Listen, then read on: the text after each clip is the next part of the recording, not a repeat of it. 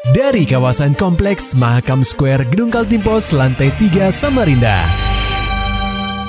96,8 KPFM Kita akan ikuti program KP Flash News.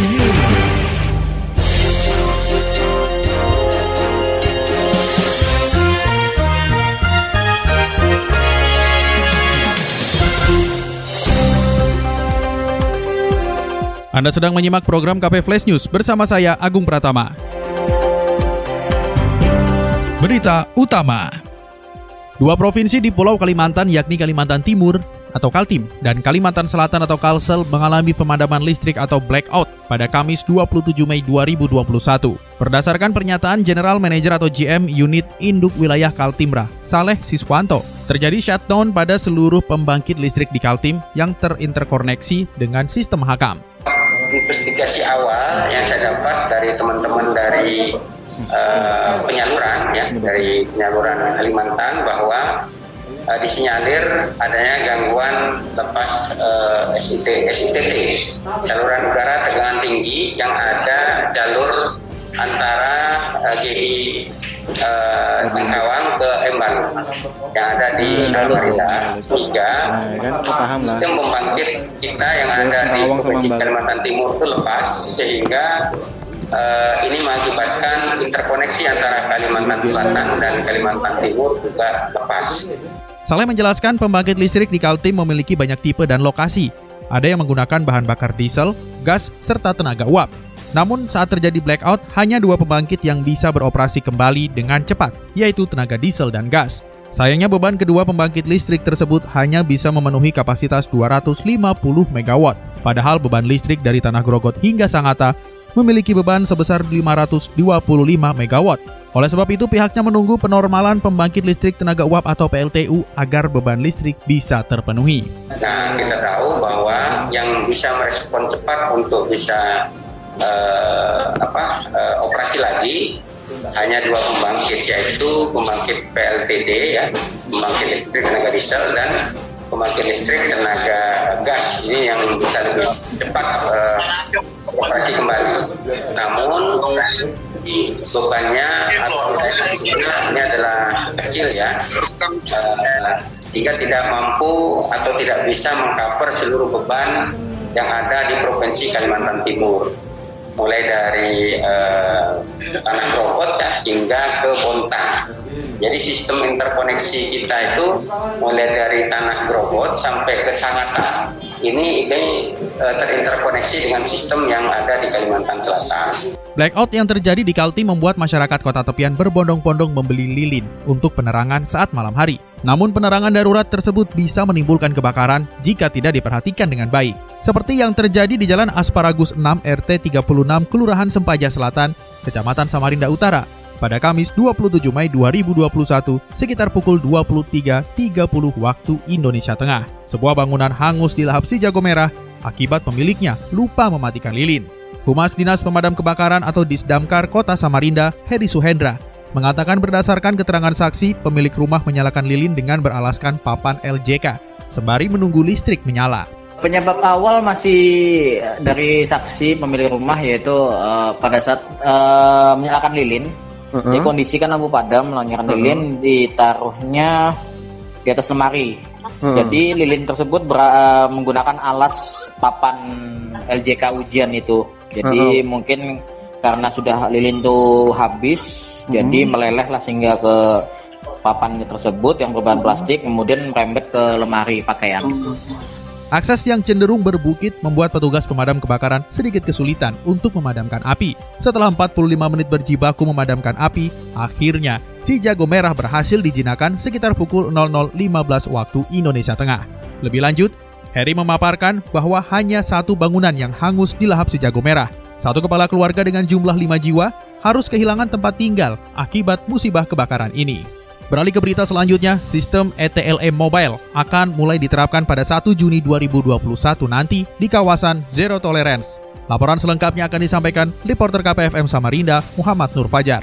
Electronic Traffic Law Enforcement atau ETLE berbasis mobile akan diterapkan saat lantas Polresta Samarinda mulai Selasa 1 Juni 2021 nanti. Hal tersebut diutarakan Kasat Lantas Polresta Samarinda, Kompol Wisnudian Ristanto, melalui Kanit Dikyasa Ibtu HM Sarjo. Sarjo menjelaskan, dua kendaraan roda 2 dan satu kendaraan roda 4 telah disiapkan untuk melakukan metode hunting dalam mencari pelanggar lalu lintas. Untuk sementara, ETLE Mobile akan diterapkan di kawasan Zero Tolerance, yakni di Jalan Selamat Riyadi, Jalan RM Marta Dinata, dan Jalan Gajah Mada. Nah, ini, ini sedang sosialisasi nanti sampai tanggal 1. Oh ini ini. Nah, mengimbau pada masyarakat sepanjang jalan itu nggak parkir harus sepanjang itu. Tertib lalu lintas lah paling tidak situ ya. ya. tidak boleh parkir di uh, badan jalan, jalan uh, badan jalan. E-mobile, jadi di, rutenya dicatat. Jalan Selamat Riyadi. Nah, sama Gajah Mada, sama Jalan Gajah Mada. Selamat Riyadi, RE Marta Dinata. Hmm.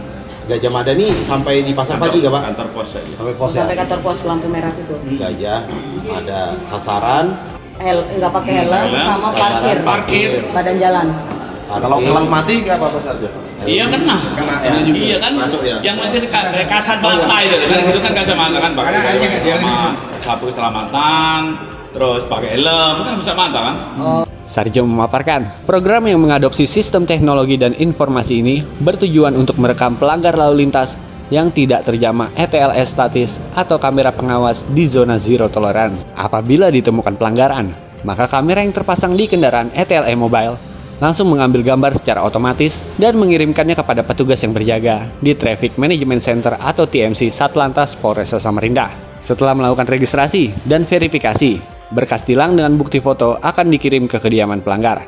Itu hanya jalan situ aja yang disasar nantinya atau Iya, ah itu aja. 24 jam Pak ya? Berapa lama iya, itu Pak? Apanya? Uh, nyisir nyisir rute yang ditentukan. Yang rute ya, sampai terus. Seterusnya langsung. Iya, Untuk kan titik lain nggak ada pak? Eh, sementara itu. Oh sementara masih dulu ya. Nanti kalau sudah anu kan berkembang. Hmm. Alasannya pak yang daerah-daerah situ yang disasar itu apa? Ya pak? karena parkir kan itu. Kebanyakan ah, seperti itu ya, hanya pelanggar gitu ya. Iya, sampai di badan jalan juga pak ya? Badan jalan ya. Ya masih parkir di badan jalan, nggak boleh. Oke. Lebih lanjut, sistem ETLM Mobile ini nantinya akan berlaku selama 24 jam penuh dan akan diterapkan secara permanen sehingga tidak ada lagi adu argumen antara polisi dengan pengendara. KPFM Samarinda, Muhammad Nur Fajar melaporkan. Pemkot siapkan kajian penyesuaian jumlah RT di Samarinda. Laporan ini disampaikan reporter KPFM Samarinda, Maulani Al-Amin. Pendampingan jumlah rukun tetangga atau RT di Samarinda akan dilakukan oleh pemerintah, mengingat ada beberapa RT yang dihapuskan karena alasan tertentu. Selain itu, juga ada beberapa RT di kelurahan yang jumlah kepala keluarga tidak sesuai. Sekretaris Kota Samarinda Sugeng Hairudin mengatakan akan ada kajian terkait penyesuaian jumlah RT yang ada di kota tepian, terutama untuk RT yang jumlah kakaknya sedikit, akan dihapuskan dan digabungkan ke RT terdekat. Perampingan RT artinya nanti akan dikaji RT-RT yang penduduknya sudah sedikit, misalnya hmm. seperti di Palaran itu kan dulu ada perumahan pabrik-pabrik yang nah, kawasan karyawan Kita. pabrik. Ya. Nah sekarang orang sudah benda ada, mungkin satu RT-nya tinggal berapa puluh, hmm. ya kan tidak efektif lagi. Maka mungkin akan digabungkan dengan RT yang terdekat. Terpisah, Kabak Pemerintahan dan Otonomi Daerah, Noviansyah mengatakan, berdasarkan Perda nomor 17 tahun 2002, pembentukan RT memerlukan minimal 50 KK dan maksimal 110 KK di wilayah tersebut. Saat ini pun, ada beberapa RT yang wilayah terlalu luas dan jumlah KK-nya melebihi 110 di beberapa kelurahan. Tadinya lurah di RT itu kan penduduknya itu banyak, tidak ada keluhan. Nah sekarang mereka dengan apa namanya kepengen warganya tadi melebihi dari apa tadi perda ini perda perda RT nomor 17 tahun 2002 di sana itu uh, penduduk itu 50 kakak sampai 110 kakak. RT ketentuannya itu ya ketentuannya ini. Sebagai informasi saat ini ada 1990 RT di Samarinda setelah 3 RT di belakang Pasar Segiri dihapuskan. Untuk jumlah terbanyak berada di Kelurahan Sungai Pinang Dalam dengan 111 RT.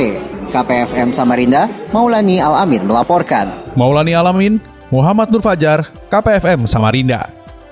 Serta dapatkan berita-berita selengkapnya di www.968kpfm.co.id. Demikian tadi telah kita simak rangkaian berita-berita yang terangkum dalam program KP Flash News. Persembahan dari 96,8 KPFM. Terima kasih dan sampai jumpa.